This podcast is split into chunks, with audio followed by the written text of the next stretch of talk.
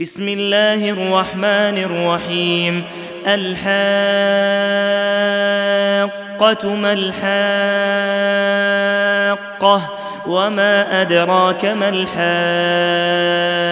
الحاقة. كذبت ثمود وعاد بالقارعة فأما ثمود فأهلكوا بالطاغية وأما عاد فأهلكوا بريح صرصر عاتية. سخرها عليهم سبع ليال وثمانية أيام حسوما فترى القوم فيها صرعى كأنهم أعجاز نخل خاوية فهل ترى لهم من باقية وجاء فرعون ومن قبله والمؤتفكات بالخاطئة فعصوا رسول ربهم فأخذهم أخذة رابية. إنا لما طغى الماء حملناكم في الجارية لنجعلها لكم تذكرة وتعيها أذن واعية. فإذا نفخ في الصور نفخة واحدة. وحملت الأرض والجبال فدكتا دكة واحدة فيومئذ وقعت الواقعة وانشقت السماء فهي يومئذ واهية والملك على أرجائها ويحمل عرش ربك فوقهم يومئذ ثمانية.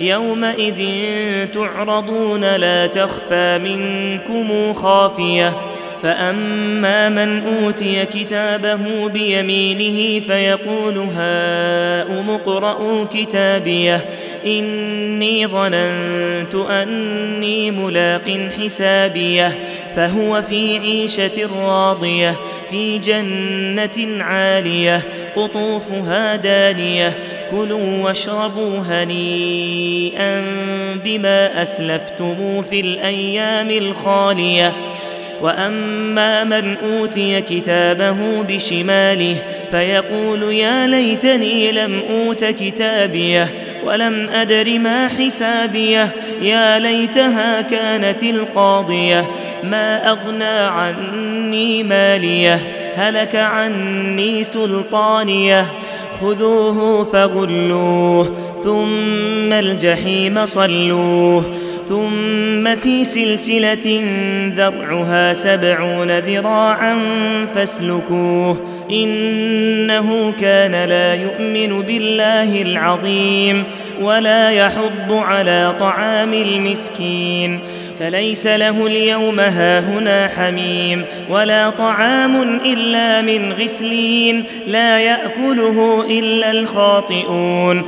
فلا أقسم بما تبصرون وما لا تبصرون إنه لقول رسول كريم وما هو بقول شاعر قليلا ما يؤمنون ولا بقول كاهن قليلا ما يذكرون تنزيل من رب العالمين ولو تقول علينا بعض الأقاويل لأخذنا منه باليمين ثم لقطعنا منه الوتين فما منكم من أحد عنه حاجزين وإنه لتذكرة للمتقين وإنا لنعلم أن منكم مكذبين وانه لحسرة على الكافرين وإنه لحق اليقين فسبح باسم ربك العظيم